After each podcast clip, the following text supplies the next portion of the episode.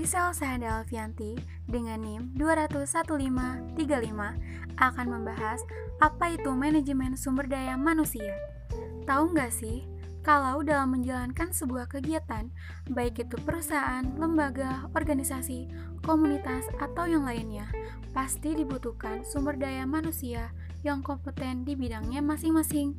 Tak hanya itu, dalam menjalankan suatu kegiatan di perusahaan juga perlu diperhatikan. Salah satunya, seperti bagaimana memanajemen sumber daya manusia tersebut agar kegiatan yang akan dijalankan berjalan dengan baik dan dapat mencapai hasil yang optimal serta maksimal. Lalu, apa sebenarnya yang dimaksud dengan manajemen sumber daya manusia itu sendiri? Manajemen sumber daya manusia ini merupakan suatu proses yang dapat menangani berbagai masalah pada ruang lingkup karyawan, pegawai, buruh, manajer, dan atau semua tenaga kerja yang menopang seluruh aktivitas dari organisasi, lembaga, atau perusahaan untuk mencapai tujuan yang telah ditetapkan.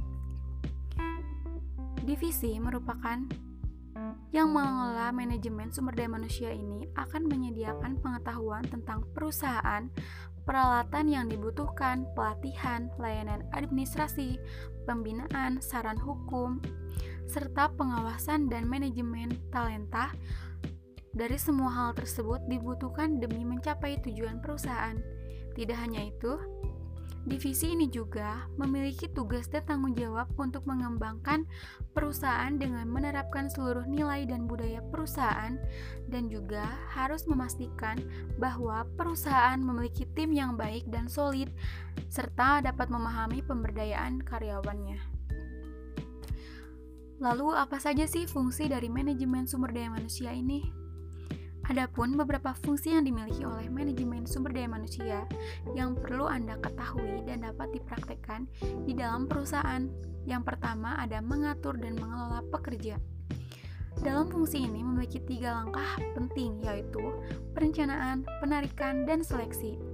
Dari ketiga tahap ini, dapat dilakukan agar mendapatkan tenaga kerja yang berkualitas sehingga dapat bekerja maksimal sesuai dengan job desk-nya masing-masing. Yang kedua ada penilaian.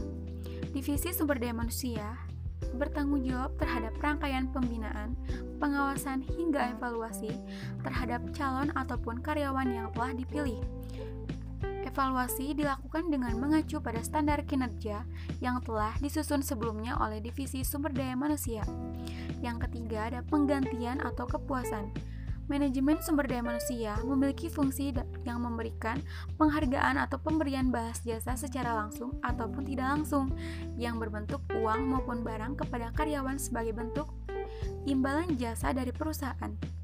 Pemberian penghargaan yang baik dan adil akan mempengaruhi iklim kerja dalam sebuah perusahaan. Yang keempat ada pusat pelatihan dan penasihat. Pelatihan atau training merupakan suatu proses pembelajaran untuk memperoleh suatu keahlian, peraturan, konsep, atau sikap untuk meningkatkan kinerja para karyawan. Yang kelima ada membuat relasi. Manajemen juga memiliki tugas untuk membangun hubungan dengan pihak luar terkait dengan sumber daya manusia seperti serikatan pekerja atau sejenisnya dengan tujuan agar iklim kerja menjadi kondusif karena dapat menyelesaikan permasalahan dengan baik dan tanpa perlu melakukan tindakan yang berlebihan loh. Yang keenam, ada mengatasi permasalahan. Divisi sumber daya manusia memiliki tanggung jawab dalam mengatasi permasalahan yang sering timbul pada karyawannya seperti melakukan analisis pada setiap permasalahan dan mencari solusinya yang terbaik untuk menyelesaikannya. Yang ketujuh ada menangani kesehatan dan keselamatan pekerja. Manajemen sumber daya manusia bertugas untuk menciptakan kondisi yang aman dan sehat guna menghindari hal-hal yang tidak diinginkan dan beresiko seperti kecelakaan yang dialami oleh pekerja. Lalu ada tujuan manajemen sumber daya manusia, yang pertama ada tujuan sosial, tujuan organisasional, tujuan fungsional, dan tujuan individu atau tujuan pribadi.